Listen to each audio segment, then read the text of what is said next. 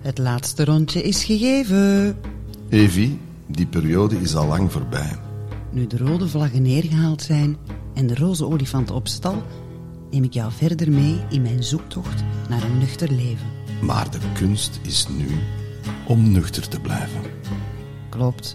Je weet ondertussen wat we hier in mijn sober saloon serveren. Straffe getuigen, coaches, auteurs, acteurs, muzikanten, podcasters, tips en tricks, maar vooral verhalen van jou en mij. Je hoeft helemaal geen probleemdrinker te zijn om in dit Stopcast-programma te stappen. Alcoholalarm. Een podcast die dieper kijkt dan het glas. Belgian Podcast Award winner, upcoming talent, Alcoholalarm met Evie Hendricks. Seizoen 3.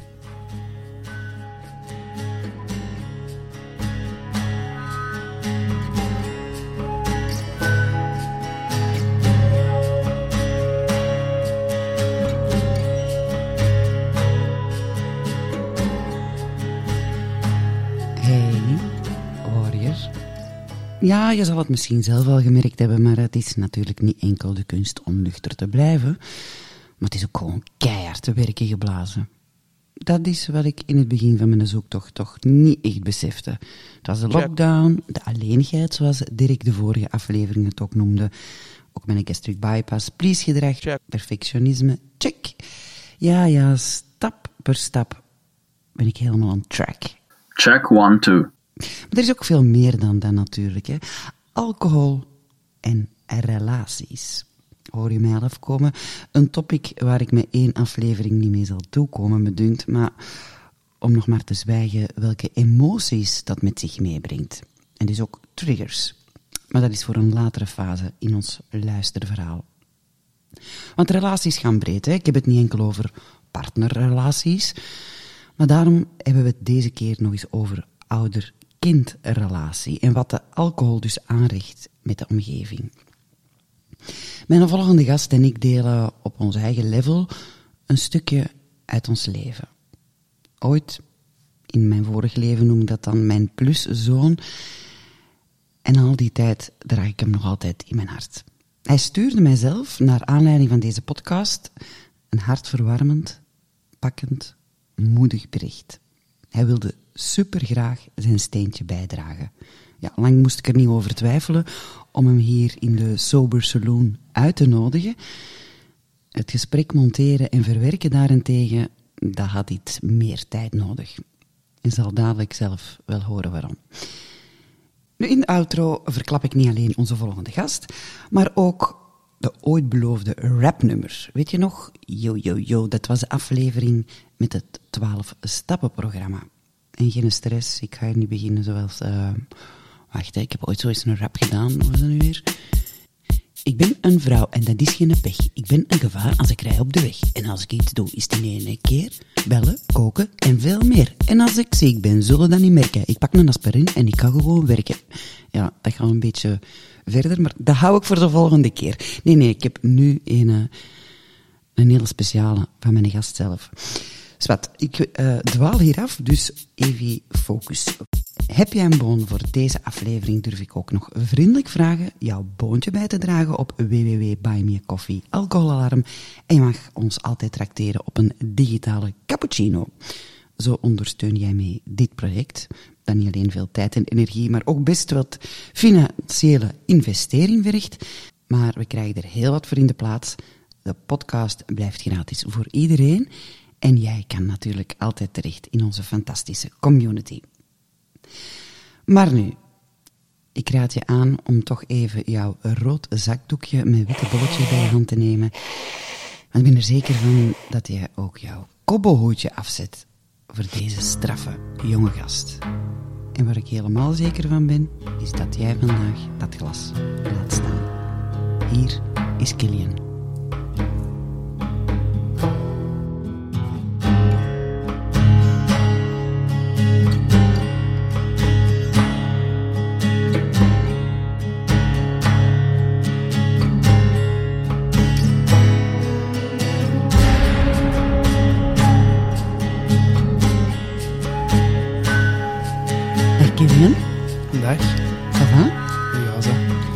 Even geleden we elkaar gezien hebben, hè? Klopt, inderdaad. Wanneer was de laatste keer, weet je het nog?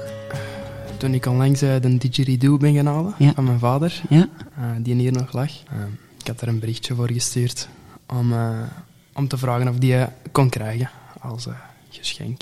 Ja, ik had die opzij gehouden voor jou, hè? Ja, dat is heel vriendelijk van u. Ja, nee, zeg. En ook als je 16 was, had ik ook iets opzij gehouden. Weet je dat nog? Waren dat die tekeningen? Ja, nog iets. Ik denk dat het ze- als ik het ga zeggen, ga je zeggen, ah Dan ja, ga ik het sowieso weten. de fotoboek. Ah ja, juist. Ja. Ja. Want daarvoor was het, allee, we hebben elkaar zo op en af gezien. Maar we kennen elkaar al lang, hè? Nee, inderdaad. Ehm, van mijn kindertijd. Drie, vier, vijf, zes jaar. Ja. Ehm, ondertussen elkaar ook een paar keer tegengekomen op, eh, in Emixem, op eh, die festivals. ja. Ja. En eh, het mooie was dat jij dus een didgeridoo kwam halen en ondertussen vertelde jij mij dat je naar de podcast aan het luisteren waart. ja, klopt. En ehm, in een van de afleveringen kwam de naam Franco aan bod, zijnde mijn vader. Eh, Ja. Waardoor dit gesprek ter sprake kwam. Ja. En je zei, ik wil hier iets mee doen. Ja, Ik wil anderen inspireren. Ja klopt. Vond ik heel mooi. Ik was er echt, was er echt een beetje van aangedaan die avond. Ik was echt eh, heel ontroerd. ehm, Omdat ik er niet zo heel veel over verteld heb toen over uw papa. was maar heel kort. Hè, dat ik hem was kwijtgespeeld. Ik zal even Ja. teruggaan naar wat ik verteld heb. Dat ik hem was kwijtgespeeld aan de alcohol. En ehm, dat ik er ook van weggegaan ben. Omdat hij te veel dronk. En dat ik dan zelf toch die grens ben overgegaan. En dat heeft u waarschijnlijk eh, geprikkeld om te zeggen van... Ja, dat heeft eh, mijn leven natuurlijk in een eh, bepaalde richting geduwd. Eh, en mijn visies over alcohol in het algemeen ook redelijk hard geschaapt, ehm, veranderd. Ehm, dus ik dacht, misschien kan ik ook mensen komen vertellen over mijn verhaal en hoe dat alcohol rechtstreeks, ehm, niet via mij, maar via mijn vader dan, toch mijn leven gedurende de 21 jaar ondertussen heeft kunnen beïnvloeden. Ja, want eh, we zijn uw papa kwijtgespeeld. Hoe oud was je toen? Zes. Was het, dan is hij overleden, ja. Ja. En dan heb ik hem teruggevonden. Dat was niet zo fraai. En dan ben ik dat samen met jouw mama tegen jou komen vertellen. Ja, dat weet ik nog. Aan het water. Ja, toen werd ik uit eh, de derde kleuterklas gehaald. Ehm heel mijn klas wist het al, blijkbaar. Ik Ja? niet. Ja. Ehm, dus dat was wel verrassend. Ja. Ja. Ik kan me dat moment ook nog herinneren dat we daar... eh, want we wisten niet goed waar moeten we dat nu gaan zeggen. En dan zijn we aan het water gaan zitten. Aan het schelden. Ja, daar ging ik altijd met hem naartoe. Hè. Ja. Eh, ging ik op zijn auto zitten. Nog altijd een van mijn favoriete plekjes. Ja? De Schelde daar, ja, ja. Ga je er nog vaak naar terug? Ik ben daar nog een paar keer naartoe gegaan. Ehm, recent zelfs nog.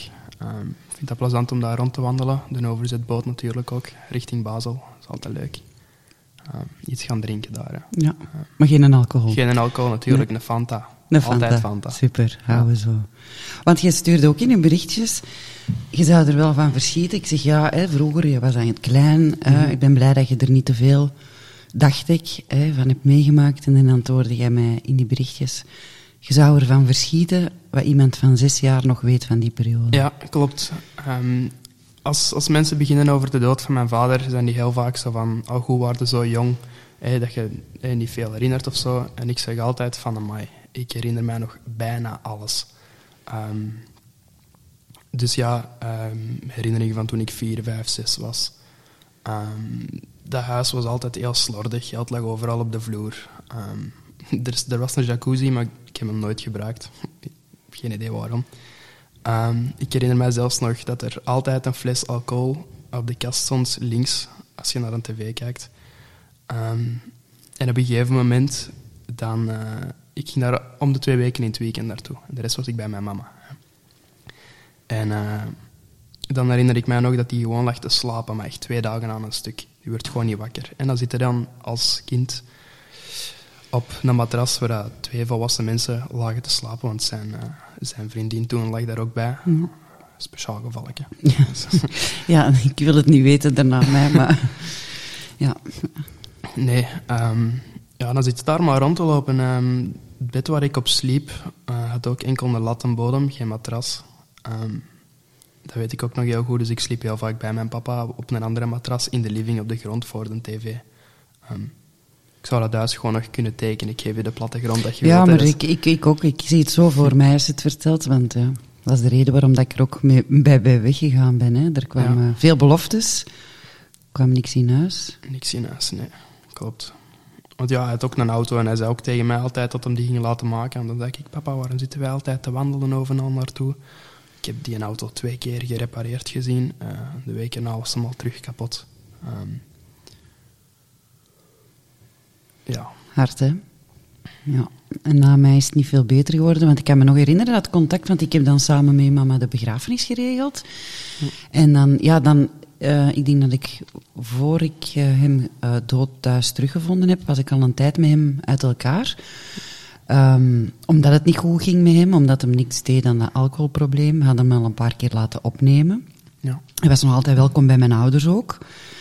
Maar dat ging dan even goed. Hij mocht er dan gaan eten, dat we dachten we kunnen hem ermee helpen. Maar dan begon hem die afspraken ook te skippen. Dus dat ging altijd maar meer en meer achteruit. En ik denk dat uw mama pas toen beseft heeft wat dat betekende, hè, dat wij in elkaars leven waren. En ja, inderdaad, daarna, eh, over die vriendin gaan we het niet hebben, maar die na mij kwam, heeft het er niet op verbeterd natuurlijk. Nee. Hè? Nee.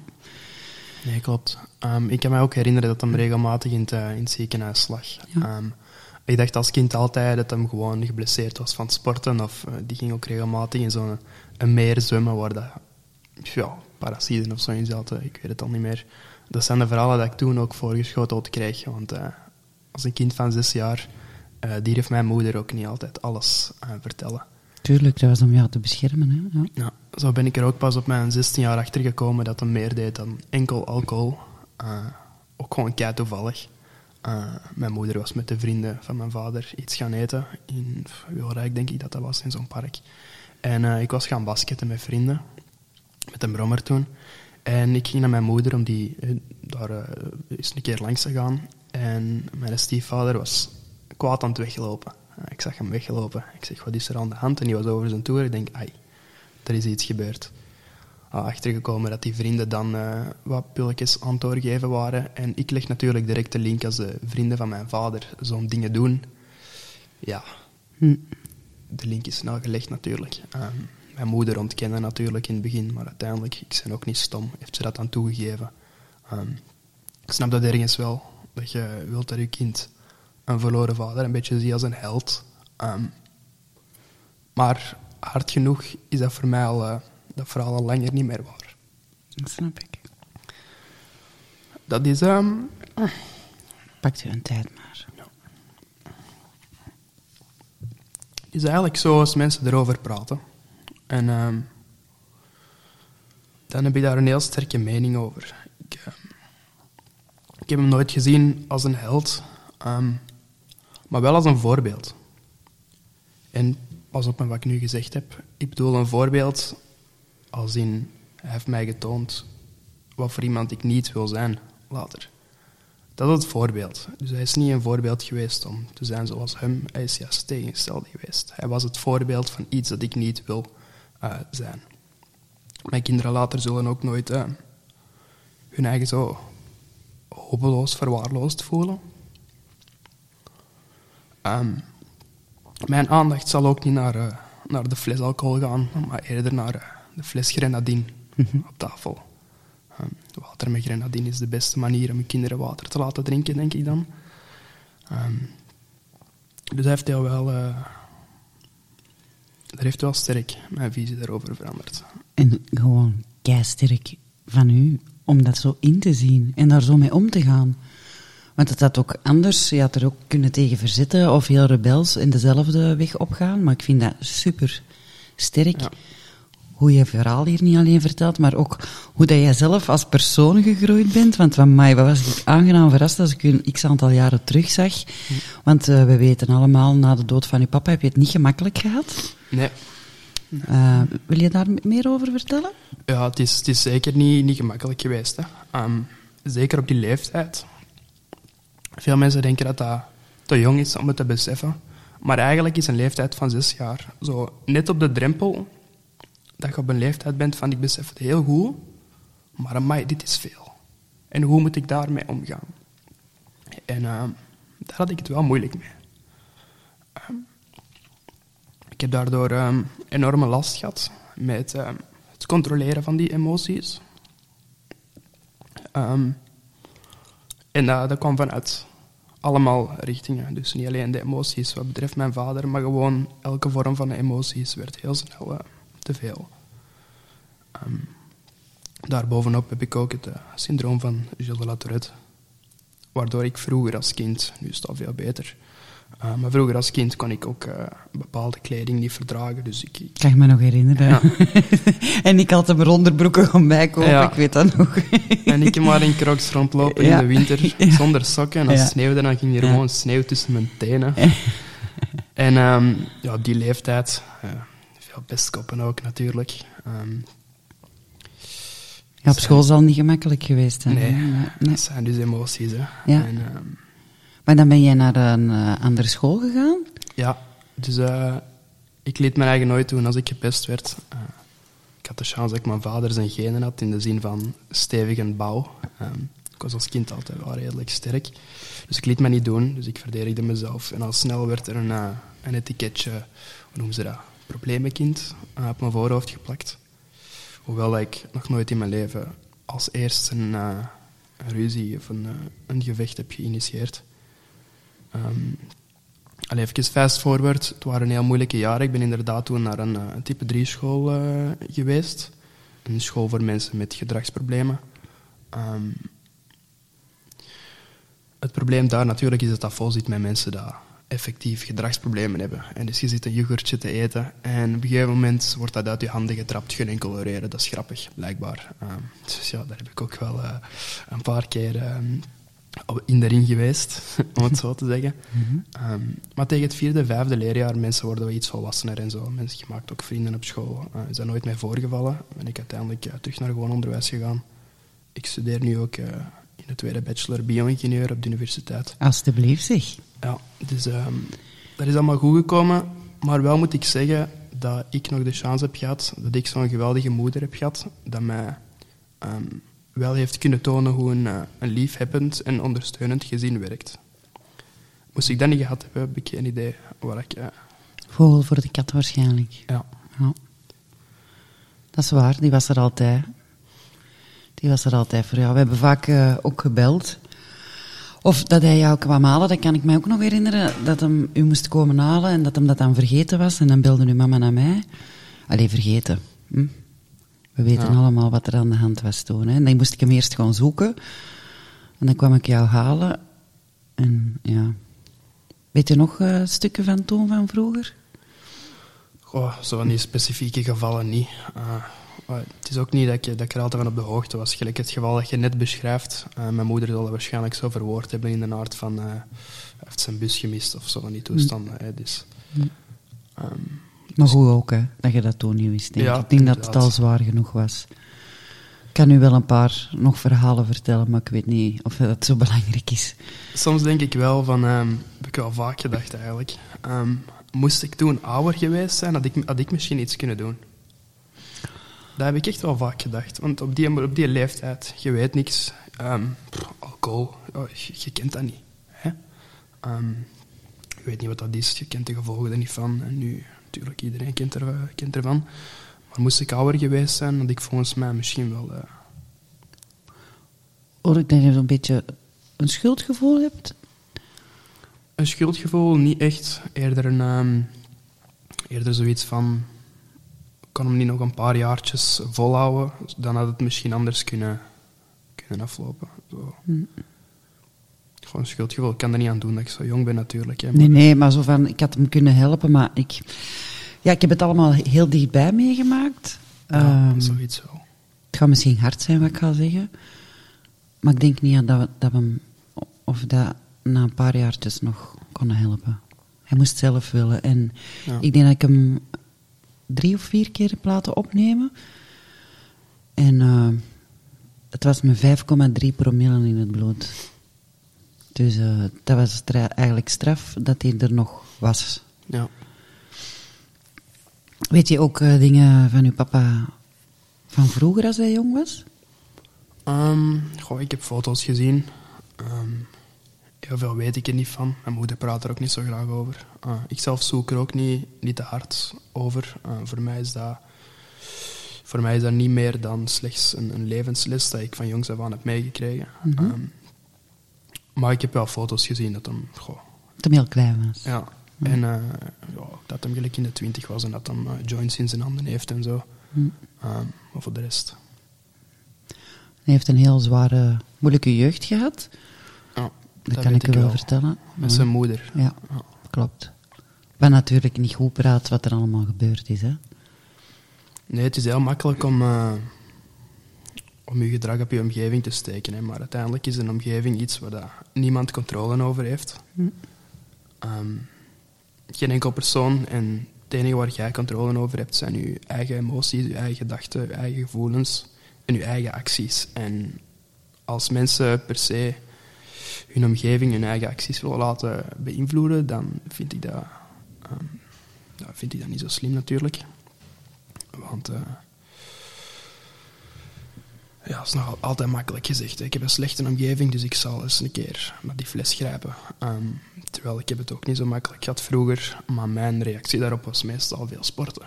Um, er zijn verschillende manieren, manieren om je eigen goed te laten voelen.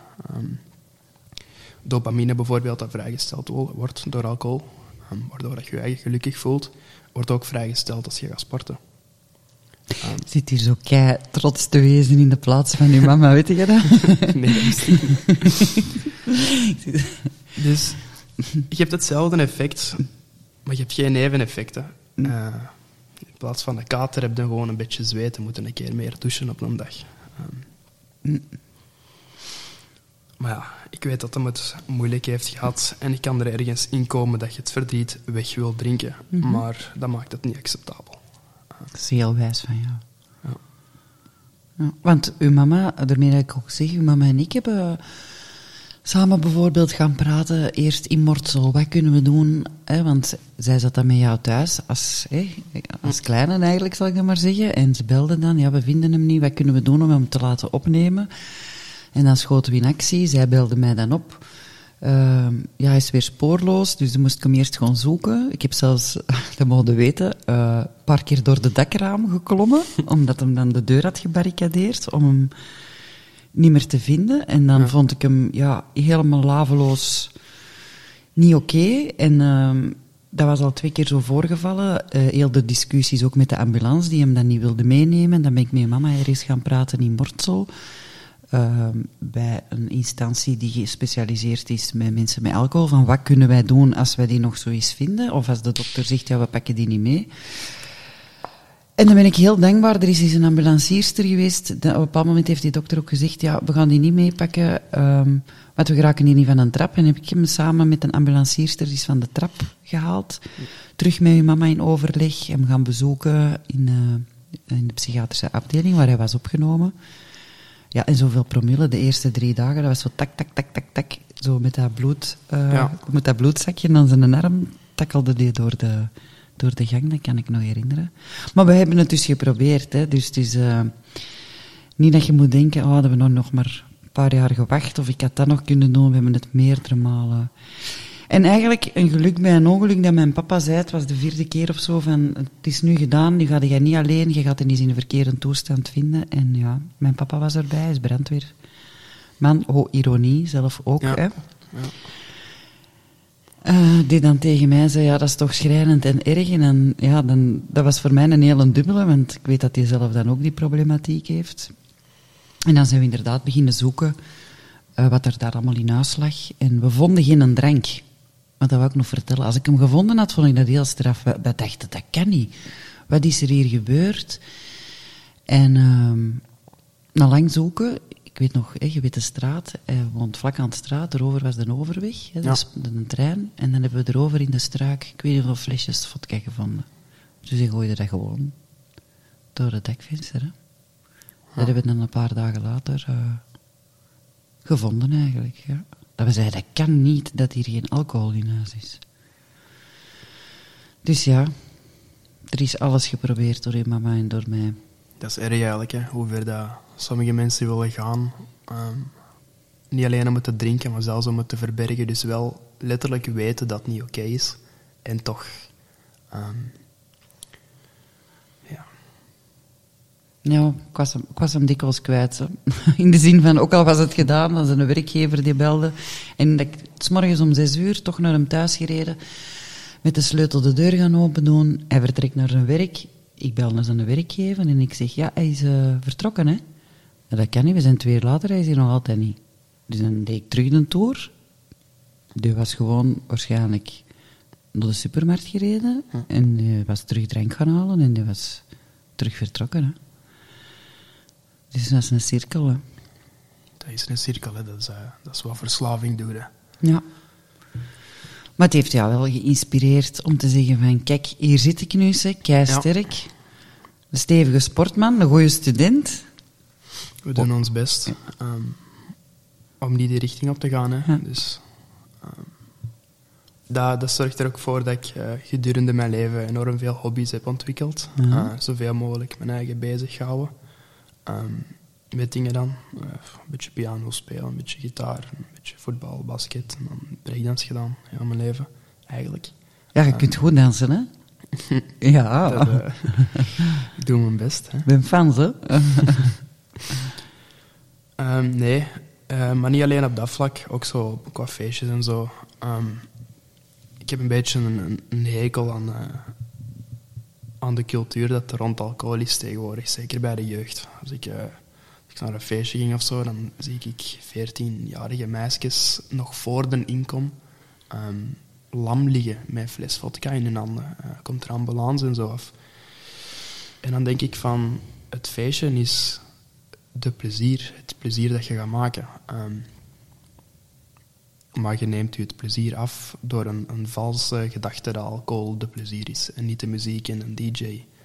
Ehm, dus ik zelf, ik, ik drink ook nooit op feestjes. Uh, Ik zit al daar met een Fanta in mijn handen. Ehm, goh, of als ik met een vriend ga... Er sexy, zo'n stoere mooi met een Fanta, jong. Ja, zie, kijk. Dat is, eh, dat is wat beter dan, eh, Ja. dan dat drankje dat op Ja. pis lijkt. Ja. Eh, En als er nu zo iemand dronken naar jou komt, hoe ga je er dan mee om?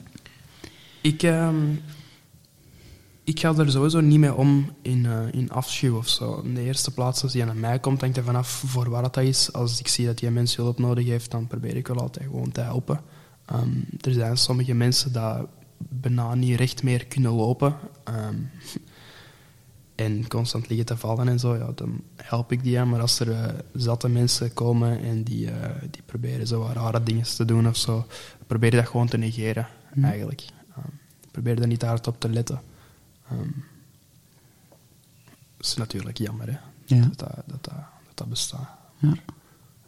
Ja, de wereld helemaal kunnen we niet veranderen. We kunnen hem niet bannen dan alcohol. Dat ben ik ook nooit niet van plan. Nee. Maar de bewustwording is al wel veel. De hè. bewustwording is inderdaad het belangrijkste, denk Ja. ik. En, eh, als ik mag zeggen, dat gaat raar klinken, er is één voordeel aan alcohol, vind ik. Dat is de kater. Dat is ook, hè. Dat is echt waar, want moest de kater er niet zijn, zouden mensen nog veel minder bewust zijn ervan. Ja. Eh, Stel je voor, een drankje dat alles slecht met je doet, maar als je drinkt, doet het alles goed met je. Hè? Dat lijkt zo toch? Hè? Het lijkt alsof dat allemaal goed dingen met je doet, maar je, ja, je reflexes worden slechter, je uithoudingsvermogen wordt slechter, eh, je zenuwen worden letterlijk eh, aangetast daardoor, door alcohol. Eh, Zenuwen is een van de belangrijkste dingen in je lichaam voor het functioneren van alles wat je doet in je dagelijks leven. Dus je wordt verslaafd aan alcohol. En in dat woord zit iets heel speciaal. Slaaf. Je wordt Ja. slaaf van het product. Ehm, en als je er zo over kunt nadenken, dan klinkt het ineens niet meer zo leuk. Want je wilt er nu slaaf zijn. Hè. Niemand gaat trots zeggen, ik ben slaaf van vodka. Nee, nee. Maar toch zijn er mensen dat denken van, ik heb vodka thuis als je wilt. En dat is een uitnodiging. Hè. Het is niet van, we willen langskomen, we gaan naar een feestje. Nee, nee. Kom naar mij thuis, ik heb vodka. Oh my. Echt serieus? Of wat? Jij genoeg? Dat is problematisch, hè. Ehm, ik snap niet hoe dat, dat een uitnodiging kan zijn. Vandaar het, het grote voordeel aan alcohol, de kater. Eh, iedereen zegt tijdens een kater, ik ga nooit meer drinken. Ehm, soms is dat voor twee, drie weken waar. Meestal niet natuurlijk. Ehm, maar op zijn minst zijn het wel twee, drie weken. En niet een dag erna. Dat is al heel goed. Als mensen het, dan ben ik soms al heel blij als mensen twee, het tenminste al eens twee, drie weken proberen om niet te drinken. Ja. Want ik krijg heel veel de vraag van, ja, maar wanneer ben ik dan hè, verslaafd of afhankelijk? Dan zeg ik gewoon eens, probeer eens te stoppen. Hè? Of probeer eens gewoon een week of eens een weekend over te slaan. En dan verschieten ze natuurlijk. Hè? Ja, dat is. Ja. Dan wordt die een drang hoog. Hè. Ehm, Ja. Verslaafd moet ook niet per se een regelmaat zijn. Het is niet dat je om zoveel dagen eens een pintje moet drinken en dat je dan verslaafd bent. Ik vind, eh, ik vind dat verslaafd ook geldt als je in eender welk scenario niet zonder kunt. Ehm, stel je voor, mensen zijn niet, zogezegd niet verslaafd en die drinken enkel bij gelegenheid. Wel, dan is mijn vraag, drinkt je bij gelegenheid of kunt je u bij die gelegenheid niet amuseren zonder die drank?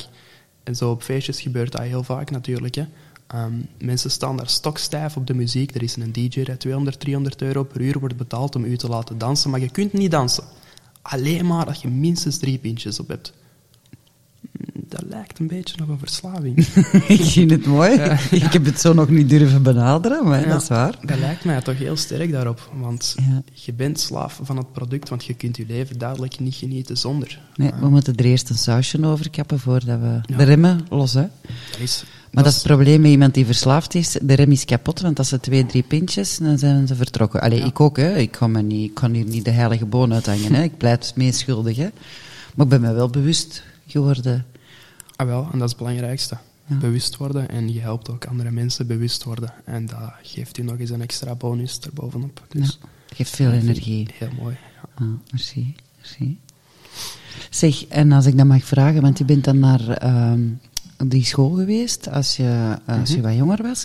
Werd je ook begeleid doordat je papa kwijt was? Heb je daar ook... Nee. eh, Nee, totaal niet eigenlijk. Ehm, dat werd gewoon gezien als een, een, normaal, een normale zaak van eh, een, een- een kind met slechts één ouder. Eh, het is niet dat ik daar speciale ehm, behandeling of zo voor heb gekregen. Nee, maar het is ook niet dat je psychotherapie of dat je in therapie bent gegaan of zo. Ik, eh, ik ben in therapie geweest, ja. Maar die therapie had, ehm, had eigenlijk geen enkele focus of link op eh, de gebeurtenis met mijn vader. Dat was ehm, algemene therapie van eh, emotiebeheersing, Ja. voornamelijk. Ehm, goh, dat heeft ook niet zo, niet zo goed gewerkt, eigenlijk. Nee, ik, ik, ik, ja, ik, dat denk dat je dat een beetje, ja, je hoort me gewoon doddelen, onderschat. Want ik heb je ook vroeger gekend en ik zie je er super beheerst en eh, intelligent uh, spreken. Ah, wel. niet dat je vroeger niet intelligent was, want je was al van kleins af aan een heel intelligent bazetje. Maar ik ben helemaal onder de indruk eh, van je proces dat je doorgegaan bent. Dat is ook, de reden daarvoor is ook hetzelfde gelijk dat je daarnet hebt gezegd, dat je je bewust geworden bent daarvoor. En zie je je nu sober zitten. Ah, ik heb je nooit knapper geweten. Oh, dat Ja. kan hem ook zo merci. Nee, ehm, het is niet per se de therapie dat heeft geholpen Mhm. in de eerste plaats. De eerste stap is bewustwording en ehm, zelf willen. Dat weet je natuurlijk. Als je geholpen wilt worden, dan word je geholpen. Ehm, anderzijds zit je daar te denken met je gedachten aan hoe lang nog en eh, dan moet ik naar huis. En dat is een beetje hetzelfde. Ehm, inderdaad, vroeger, ik, eh, ik had geen zin in die, in die therapie. Ik zat daar ook van, mag ik ze biedt naar huis? Ik wil graag een snoepje eten uit de snoepkast. Ehm, maar je wordt ouder. En De beseft- suikerklontjes. ja, de suikerklontjes, die had ik wel graag. Klopt. Je wordt je ervan bewust en je wilt zelf veranderen. Hm. Wilt, en dat helpt heel hard. Ja. ja, want dat is zot. Ik kan me herinneren, die periode, als ik met papa zelf was, dronk ik quasi niet, hè. Toch niet. Ik had er zo'n degoe van, hoe dat hij met alcohol omging, dat ik daar toen op die moment ook niet... Ik ging daar ook van lopen, echt. Hè. Ik was altijd kwaad als ik naar de nachtwinkel was geweest. Er was vaak ruzie over, omdat ik zei ik wil dat niet. Ik wou dat niet meer in huis op de deur. En dan toch zelf te veel beginnen drinken. Ja. Maar ik ben op tijd op de rem gaan staan, gelukkig. Zeg, want ik vind het wel interessant, die therapie rond emoties. Want ook heel veel mensen die gedronken hebben, kunnen helemaal niet, want dan is het helemaal geen controle over die emoties. Hè? Nee, Dus stel je voor dat je zou drinken, dat zou helemaal niet goed komen, denk ik. hè? Nee, tuurlijk. Nee, Nee. Je, je krijgt minder beheersing in Ja. het algemeen. Dat is, niet, dat is niet alleen eh, beheersing over op een rechte lijn kunnen wandelen, dat is beheersing over alle prikkels die rond je gebeuren. Je hebt vijf zintuigen waarmee je kunt prikkels ondernemen. En, en, ja. Ja. Alles wordt wat minder. hè. Ja, en zelfs achteraf, want mensen die een maand gestopt zijn, twee maand, eh, maar het is daarna pas dat eigenlijk het, het harde werk begint. Ja. Ik spreek dan voor mezelf, maar ik heb pas na een jaar dat ik met mezelf zat en ja, dat er toch emoties naar boven kwamen en dingen zoals uw papa verliezen, die dat ik zelf eigenlijk nog geen plaatsje had gegeven. Dat ik pas besefte nu met zo een jaar nuchter te zijn. Ja. Ja, ja, ik denk inderdaad ook... ehm, veel mensen dat, dat drinken, die proberen een bepaalde emotie of gedachte te onderdrukken, zeg maar. Ehm, dus wanneer heb je de tijd om er helder over na te denken? Want vanaf dat je begint na te denken, dan, eh, dan gaan mensen heel vaak drinken, zodat ze minder helder kunnen nadenken. Ehm, dus het feit dat je ook zegt van, ik ben pas echt dat beginnen een plaats te kunnen geven vanaf dat ik sober was, ehm, dat bewijst dat punt eigenlijk een beetje. Zeg nog eens een andere vraag. Stel dat je nu... eh, je hebt een vriendin nu, hè? Nee. Ah, nee. Niet meer. Oké. Ja. Ja, maar je bent nog jong en knap. Hè? We zullen aan elkaar complimentjes geven. Stel dat je nu een vriendin tegenkomt en je merkt na een tijd dat hij toch een beetje te veel drinkt. Ja, in eerste instantie eh, zou ik proberen daarmee daar, die te helpen, natuurlijk. Ehm, dat is voor mij geen reden om te zeggen nee, want dan, dan laat je ook iemand vallen dat potentieel wel, eh, wel een keigoede vriendin kan zijn. Eh, Iemand die je graag ziet, hè? dat is het ja, moeilijke. Hè? Dat Ja. ook natuurlijk, ja. Mits ondersteuning dan, hè. Hm. Ehm, dus het zou sowieso geen dealbreaker zijn. Dat zou eh, wel iets zijn waarmee dat ik... ehm, ik zou er niet mee proberen omgaan in de zin van het laten bestaan en daar rond te werken. Nee, ik zou het wel proberen zo snel mogelijk aan te pakken. Ehm, zeker omdat mijn levensstijl zou daar totaal niet mee passen. Ehm, dat is ook heel belangrijk natuurlijk in een relatie, dat jullie levensstijl een beetje, eh, een beetje fit. Dus, ja, gaat helemaal goed komen. Ja hopelijk. Je gaat, nee, nee, nee, nee. Je gaat dat op voorhand wel. eh, en als je altijd in de sportschool zit, ja, dan is het dan moeilijk om iemand tegen te komen die al een beetje te veel drinkt. Maar ik vond het wel interessant dat je dat zei zo op die feestjes. Want ik heb niet. Zo dat pre-drinken wordt ook vaak gedaan, hè? zoals je Ja. zei bij dat. ja, veel te vaak. Ja, Dat is echt een ding. ja. Bijna iedereen doet dat. Ja. Ehm, Voor, dus dat die pre-drinken is dus eigenlijk voordat er een feestje is, zoals je zei van, hé, ik heb hier vodka, we Ja. gaan hier eerst drinken. Is dat, denk je, ook omdat de prijzen zo hoog geworden zijn van de alcohol? Ja, dat wou ik net zeggen. Ehm, zeker op feestjes. Hè. Ja. Feestjes, natuurlijk, je bent binnen, binnen is binnen, buiten is buiten. Uh, Hetzelfde reden dat je in het Sportpaleis 5 euro betaalt voor een cola. Je mag niet naar buiten, dus je moet wel dat je dorst hebt. Feestjes is hetzelfde. Ehm, dus dat is een heel belangrijke reden dat ook makkelijk op te lossen valt, vind ik. Ehm, Je krijgt zo geen stempel niet meer dan, of wat? je, je krijgt een bandje. Ah ja, Je maar krijgt dan een mocht bandje. niet buiten. Vaak is dat binnen is binnen, buiten is buiten. Dus, Allee, eh, ja. dat is heel vaak zo. Ehm, dus dan doen die voordrink. En soms is dat echt... Ik ken mensen dat ehm, geen mensen kennen om mee voor te drinken. Die gaan op straat, ergens in de buurt van dat feestje, en die zien mensen drinken op een bankje buiten en die gaan er gewoon bij. En die drinken mee. Dat, dat zijn dingen die effectief gebeuren. Ehm, Ja, en die gaan het dan halen in de nachtwinkel of in de supermarkt? in de nachtwinkel Ja. meestal. Ja. Ja. Want nu de overheid, ik weet niet of je het in het nieuws gezien heeft, de overheid heeft zo nu net nieuwe, een alcoholbeleid eh, vooropgesteld. Heb je het gevolgd in het nieuws? Ik heb niet gevolgd. Nee, eh, sorry, ik werk zelf bij de overheid, maar ik vind het een beetje voor te lachen. Tussen 16 en 18 jaar mag je geen sterke drank kopen. Maar ja, je kunt wel bier kopen. Ja. Dus ik zie zo veel verschil niet met ervoor. Want ik dacht nu ook pas dat je vanaf 18 jaar uh, Ik dacht dat ook, Ah. eigenlijk, ja. Dus, en ze gingen ook ehm, langs de snelweg, dacht ik, eh, langs de snelweg gaan ze het ook afschaffen dat je geen eh, alcohol niet meer kan kopen. Ja, Ja. Dat vind ik wel goed. Dat vind ik al een hele goeie, want dat is een, vaak een hele grote trigger voor velen. Ja. Maar die nachtwinkels, ik denk dat dat nog een groot vergif is. Die nachtwinkels is zeker een groot vergif, omdat heel weinig nachtwinkels ook rekening houden met de leeftijd. Je moet bijna nooit je pas laten, laten zien. Ehm, Nee, en voor echte probleemdrinkers, die gaan ook niet op café zitten dan, of die zijn al een beetje te dronken. die gaan naar huis, hè. Ja. Ja. En eh, zo heb ik je papa ook eens. Toen waren jij er ook, toen was jij nog heel klein, dat kan ik me nog herinneren. Dat zal ik wel vertellen. Hij zei, ik ga even naar de nachtwinkel sigaretjes halen. En na een half uur was hem niet terug. En na een uur was hem nog niet terug. En dan wist ik niet goed wat ik moest doen. En heb ik u opgesloten in uw kamer. Heb ik even de deur helemaal gebarricadeerd. Ben ik als een zot gaan zoeken. En dan heb ik hem in een caféke twee straten verder gevonden. Ja. Ja. Van die toestanden, hè. Dat is, eh, ja, dat is, die zal waarschijnlijk eh, dat café gezien hebben en dat heeft dat getriggerd. En Ja. Ik vind het heel moeilijk om mezelf in, eh, in die schoenen te plaatsen, omdat ik zelf niet zo die trigger heb, Hm. als tegenovergestelde. Ehm, maar langs de andere kant kan ik het ook wel ergens snappen. Ehm, maar ja, dat valt eh, niet goed te praten, vind ik dan. Nee. Hè. Dat is, eh, Nee. Ik vraag me ook soms af, moest hem weten dat hem effectief dood ging gaan? Zou hem dat nog gedaan hebben, denk je? Ik denk dat hem... had al drie, vier verwittigingen gehad. Ja, maar veel mensen denken, gewoon nog eentje. Hè? Hoe- Op alle vlakken, mensen zijn zo. Hè?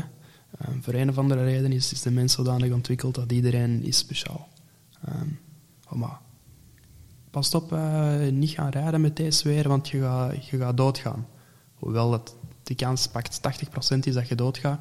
Nee, nee, maar ik kan dat wel. Heb jij niet van die toestanden gedaan? Waarschijnlijk Ooit? wel.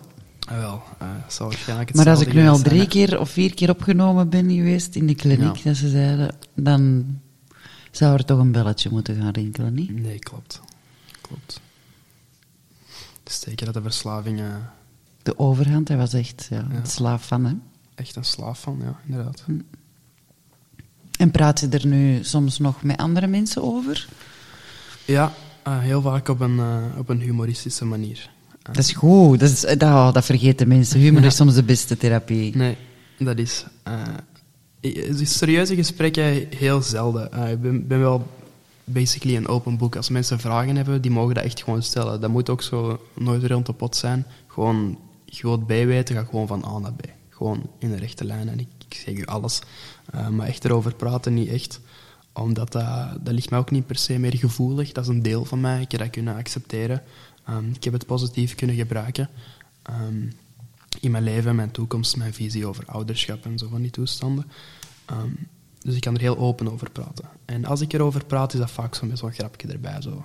Ehm, Dat is fantastisch. Een tijdje terug zei een van mijn gasten, Tanja, Tanja van der Zanden, de actrice, die zei... Je kunt er pas mee lachen... Wacht, hoe zei ze het precies? Je kunt er pas mee lachen... Ik heb het zelfs gedeeld op mijn Instagram, daar moet ik goed nadenken. Hè. Je kunt er pas mee lachen als je het verwerkt hebt. ja. Nee, dat is zo natuurlijk. Want je kunt wel doen alsof. Ja. Maar je valt snel door de mand. Ja. Nee, maar ik heb ook tijd genoeg gehad. hè. Hoe lang is dat al geleden ondertussen? Ik ben 21, ik was 6 toen. Dat is eh, 15 jaar geleden. Dat is, eh, wel even, hè.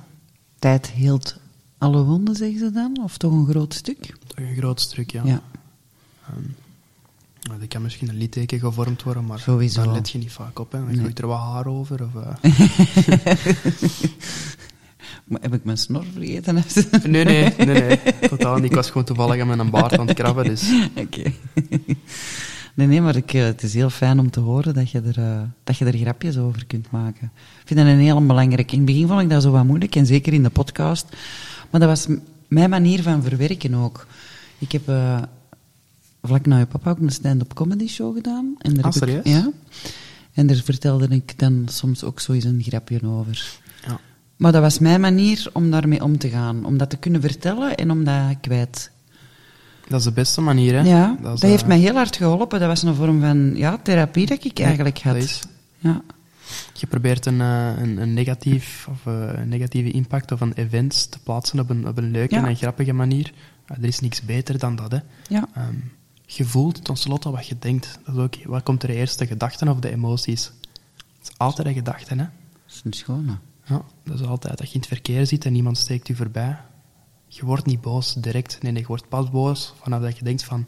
Allee, jongens, zeggen, ja, ja, die zegt... Hè. Alleen dan word je boos, hè. Door je gedachten. Ehm, dus als je probeert positief te denken over iets, zo erg dat dat ook is, dan gaat, gaan je emoties ook positief worden. Eh, je wekt je eigen gevoelens op. Ehm, hoe moeilijk dat ook is natuurlijk, hè, soms. Maar eh, dat is inderdaad een van de beste stappen om iets te, te verwerken. Als je zegt van, eh, dat is er heel erg gebeurd. Ik maak er eens een grapje over. Op den duur dan begint je het erge gebeurtenis, eh, de erge gebeurtenis te linken aan iets, iets Ja. positiefs. Ja. Aan, oh, kijk, ik kan het eigenlijk ook wel zo bekijken. Oh. Ja, je geeft dat een plaats op een respectvolle manier ook. Het was niet... Want ik durf er al eens over gaan, hè. Maar nee, dat, nee, dat, dat gaf mij ook zo, ja, stapjes om dat proces. Ja, dat is heel belangrijk. Praat je er nog veel met je mama over? Nee. Nee. Nee, mijn mama die praat er ook niet graag over. Eh, ik heb sowieso een paar keer een, een vraag gehad en dat gesteld, maar die wil er eigenlijk niet echt over praten. Dat is ieder zijn manier om ermee om te gaan, hè. Nee, klopt. Eh, ik heb er wel vroeger, dan spreek ik over vijf, zes jaar geleden, een aantal keer ruzie over gehad met haar. Ehm, omdat zij daar niet over wou praten. En ik heb wel gewoon vragen. En ik vind ook van, ik ben toch oud genoeg, alsof dat ik dat niet, niet kan begrijpen. Eh, Het is tenslotte mijn vader. Jij weet dingen over mijn vader. Ehm, die wilde ik weten. Ehm, en uiteindelijk heeft hij dat ook wel gezegd. Hè?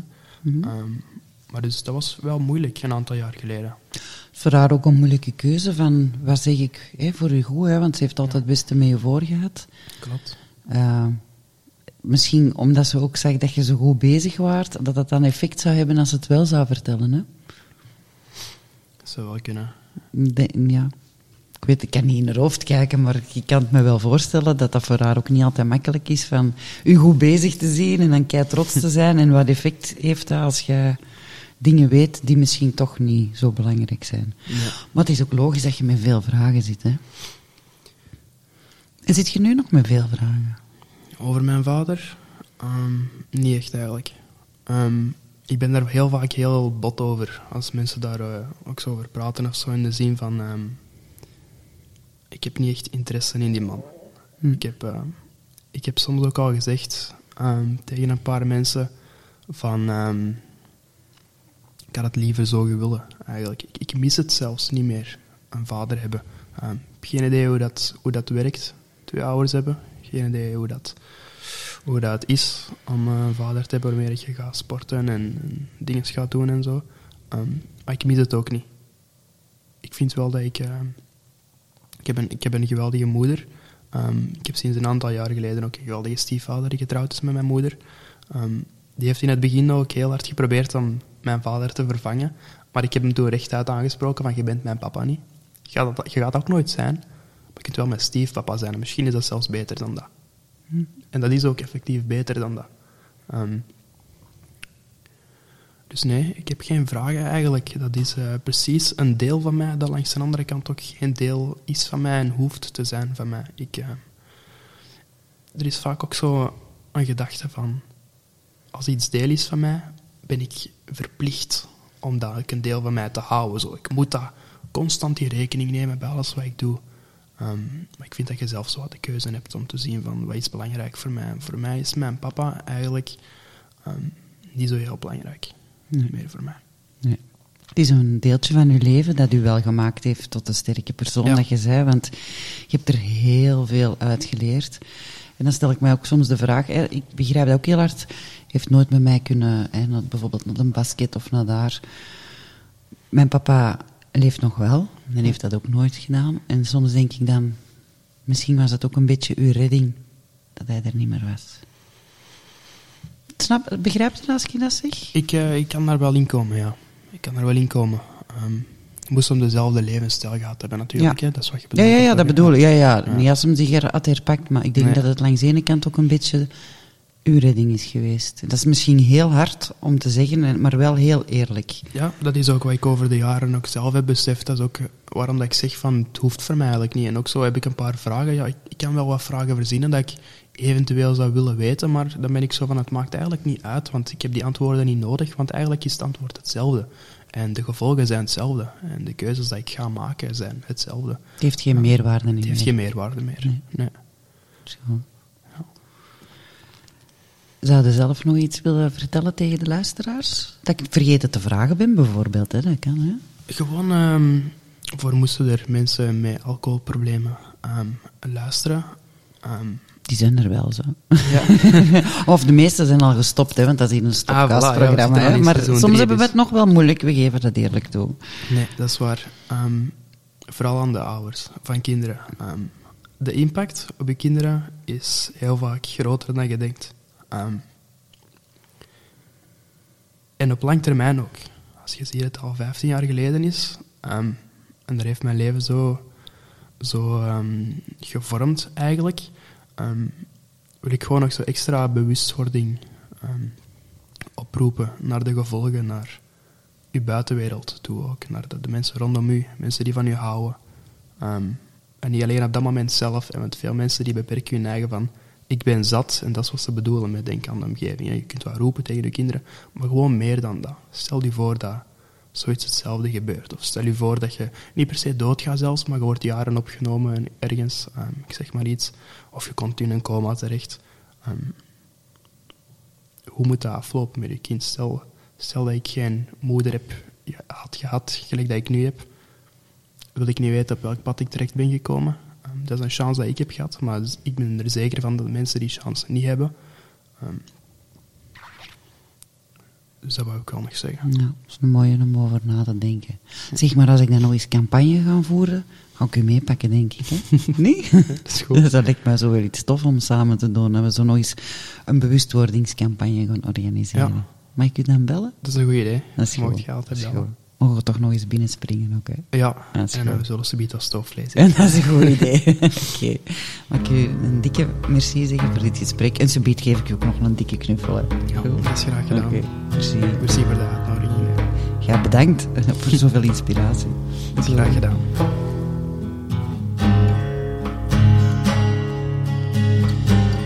Hè, hè? Zullen we eerst samen eens even heel diep buigen voor hem? En misschien ook samen eens heel diep in- en uitademen. Een truc die ik al eens meegaf in vorige aflevering, die ik ook meepik met mijn coaches. Dat is de 4, 5, 7. Maar in mijn geval is het een 8. Dat is vier tellen in. 1, 2, 3, 4. En houd er maar vijf tellen vast. 3, 4, 5. En nu 8, ja, vol een bak 8 uitblazen.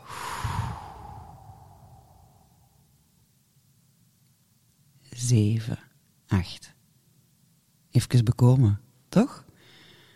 Dat is wat ik zo dadelijk ook ga doen. De zon op mijn snoet en op stap met mijn dochter en mijn man. Ik wil nog meegeven dat ik eh, meer dan 15 jaar geleden een heel lang interview in de P-magazine heb gegeven. Mannen, maakt u geen illusie, ik stond daar niet in als babe, dat heb ik al eens gezegd, maar toen in mijn rol als comedienne. En in dat interview kaartte ik toen al eigenlijk de ellenlange wachtlijsten aan naar hulp. En dat artikel, dat ging toen over Franco. Ik deel het binnenkort ook op eh, onze socials, in onze Facebookgroep en ook op Instagram, alcoholalarm natuurlijk. Maar 15 jaar geleden, en eigenlijk aan die wachtlijsten, bij opname, is er nog niks veranderd. Dat is toch ook eens iets om opnieuw vast te grijpen, denk ik dan. Zwat. Zoals beloofd, een teaser naar onze volgende gast. En de tip is, het heeft ook een beetje met de silver eh, lining te maken. Het is zoals het moet zijn. En vertaal dat even naar het Frans. Ja. Vrije vertaling. En we komen op comme il faut. Dat is een tip. Anyway, om af te sluiten ontdekte ik ook tijdens de gezellige nababbel tussen de frietjes door wat Killian eigenlijk nog allemaal gepresteerd heeft. Dat is dankzij teamwork met zijn geweldige mama en ondertussen ook een toffe pluspapa. Want behalve de studies die hij nu doet, was hij ook al wereldkampioen breakdance. Ik was helemaal onder de indruk van zijn filmpjes, die hou ik ook nog te goed. Maar hij maakt nu ook muziek. En guess what? Zoals beloofd dus, had je nog een song in rapstijl te goed. De vorige aflevering begonnen we in stijl en nu gaan we er helemaal uit in een hele andere stijl. Ja, dat maakt onze Sober Saloon zo uniek met jou als luisteraar erbovenop. Dus knal, kom nog maar eens even op adem, Warrior. Want hier is Killian himself met zijn nummer My Biggest Mistake.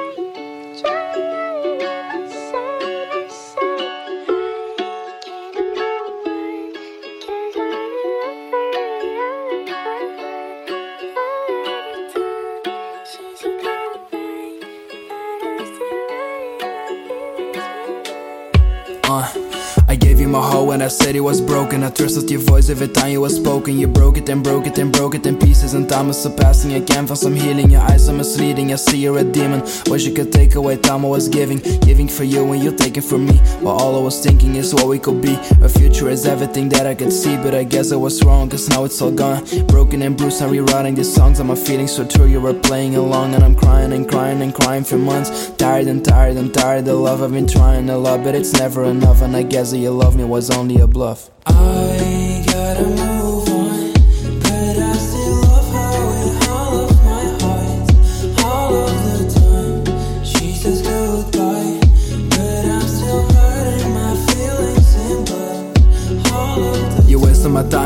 you could see that the person I saw in you wasn't serial. You've been faking a lot and I'm down on my knees with a bandage I need from my heart as it bleeds. And I throw it and throw it and throw it away. I'm going and going and going insane But I know you're a faker, you give me this pain And I hope that you know you're my biggest mistake